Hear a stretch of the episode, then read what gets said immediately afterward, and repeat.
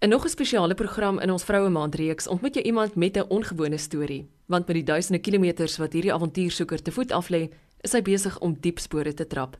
Sy doen dit vir droogtehulp in ons land. Estel van Duyk boer 20 km buite Napier tussen Riviersonrent en Caledon, mooi in die Reuns. Hare is 'n gemengde boerdery. Daar's merinos en gesaides wat koring en gars insluit. En as die woelige ouma met die ondeende blou oë begin gesels oor haar tyd in die Tankwa Karoo en Heuningland staproete, dan kan jy maar weet, hierdie is iemand wat 'n spesiale bergplek in jou hart gaan kry. Eloise, hierdie jaar se Heuningland staproete het eintlik 'n 'n geboorte gehad wat al laas jaar begin het. Ek het dit laas jaar gaan stap lekker op my eie. My man kon nie saam gegaan het nie en dit was 4 dae in die Karoo, dis tussen Beaufort Wes en op die Vryseburgpad stap ons oor 18 privaat boere se grond met die duidelike opdrag maak die hek toe as jy deur die hek gegaan het. En ons het omtrent 24 hekke wat jy moet oop en toe maak. In enige geval toe ek terugkom laas jaar onder die geweldige indruk van die droogte want dit is toe na die winter en dit was voor hulle reenseisoen maar dit het nog nie kom reën nie en Dit was vir my verskriklik om te sien hoe lê daar dooie karkasse in die veld en die min reën en die mense se gemoed, die mense is vol moed. Maar jy kan sien iewers 'n hange gordyntjie, iewers verskans hulle iets. En in dit raak Kersfees en ons ons vra mos nie vir mekaar gaan ons eet vanaand nie. Ons vra nogal wat gaan ons eet? En en hierdie droogte bly heeltyd in my agterkop en ek kan dit net nie afgeskit kry nie. En vroeg in die nuwe jaar besluit ek maar ek wil vir die Karoo iets gaan teruggee en ek besluit ek gaan die Heuningland staproete weer doen. En dis 103 km kan so 2 km bysit as jy na Silwester die wegloop Leo se gat wil gaan kyk waar hy uitgekruip het. Maar dis omtrent teen rotse ruwe rotse af en toe besluit ons ag nee wat ek gaan nou nie daai 2 km ook loop om Silwester se gat nou te gaan kyk nie. In enige geval toe het ek met Dou en Liesel Vlok wat die organiseerders van Heuningland is kontak gemaak en vir hulle gesê kan ek julle stap gebruik om geld in te samel vir Agri Weskaap se droogtehulpfonds want dit is waar ek 'n koneksie wou gekry het met ek kan nie net gaan stap en ek doen dit net vir myself en niemand anders ter baat daarbey nie. En Lise was baie opgewonde geweest en sy gesê asseblief doen dit daarvoor. En so het ek toe my maand weer die Heuningland gaan stap. Eerste dag 28 km stoksiel net op my eie. Ek het weggeloop vir die groep en ek het net die stilte en die verlatenheid en die alleenheid van die Karoo vir 28 km was dit ek en die stilte wat om jou heers. Jou ore slaan eintlik toe partykeer van die stilte. En ek het dit vir my voorneme gewas om met mense, as ek mense langs die pad kry om met hulle kontak te maak. Die eerste dag stop Jan en Maggie de Klerk vreeslik opgewonde maar die omgewing waar ek toe instap is nou groen en ek kan sien dit het onlangs gereën daar en Jan stop by my en ek sê vir hom wie ek is en wat ek doen en hy is op, so opgewonde en hy sê vir my maar kan jy sien hoe mooi lyk dit hier by my dis die hoek ons het 60 mm reën gehad. Die die trane het my oë ingeskiet want jy kan nie glo dat hierdie dorre Karoo so groen lappie grond het nie. En ons is daar weg. Daardie aand, hy slaap ons op twee fontein.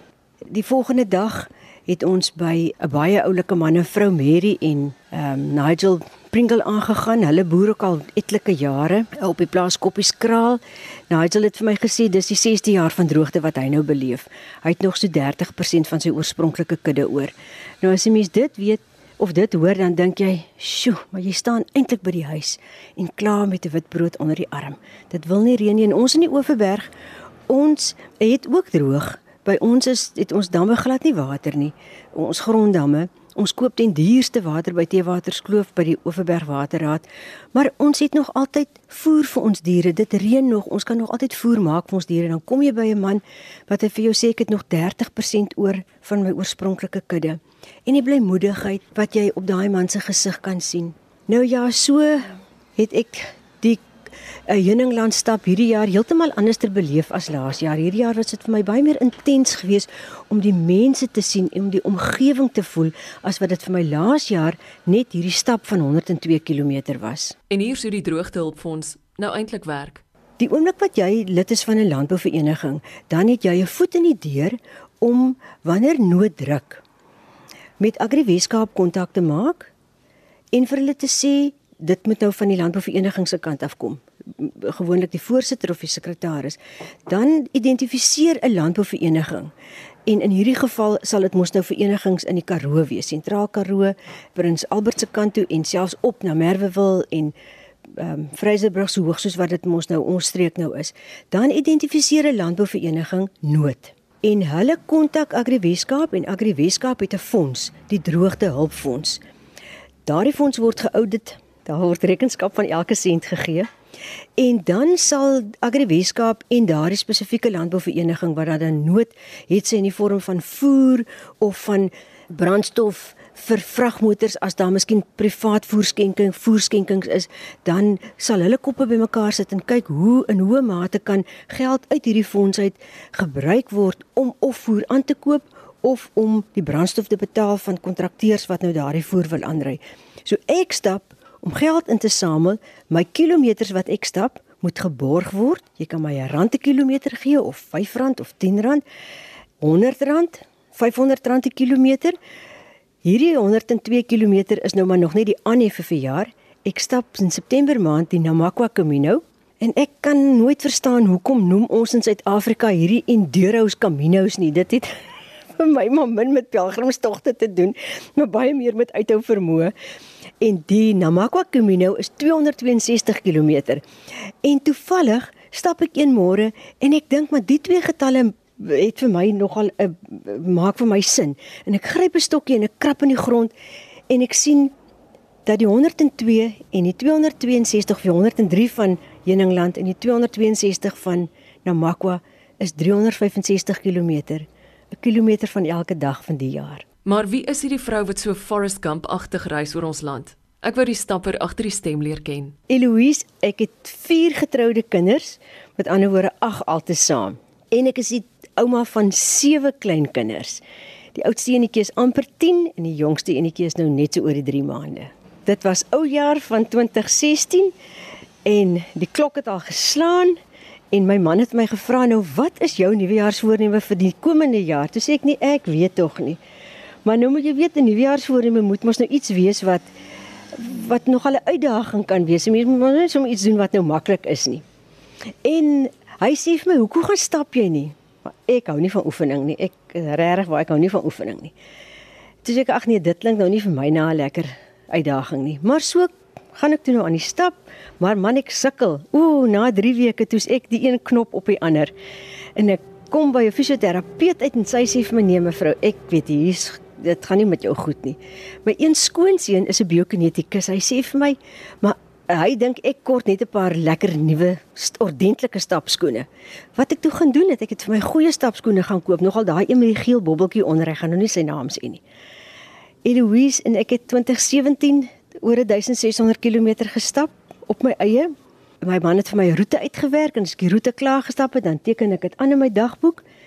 2018 het ek 1600 en iets in die 40 km gestap. Ek is nou goed op pad na so 3800 km. Ek wil kyk of ek daarmee na die einde van die jaar 4000 km gestap het nie. Dis 'n gogga wat gebyt het. Dis soos 'n dwelm waarmee jy besig is. Estelse gestap het ook gesorg vir dagboekinskrywings soos die een. Seker die mooiste storie wat uit hierdie stap vir my gekom het was toe ons nou klaar is die Saterdag en ek op 'n gasteplaas met die naam van Silwer Karoo, so 60 km suid van Beaufort Wes, het ek vir my die aand bespreek om daar te gaan slaap want ek het toe net nie kans gesien om nou die 600 km weer terug te ry huis toe nie. En ek het by hulle aangekom vir hulle laat weet ek is op pad en uh, Henko met wie ek nou reëlings getref het, het vir my gesê maar hulle het net gou die skape gaan kraal. Nou ja, nou die mense is besig met hulle eh, Saterdag aand werk en ek het by die huis gekom en die voordeur was oop gewees en ek het vir my lekker gaan stort en 'n lekker koppie koffie gemaak en die volgende oomblik toe kom Henko daaraan.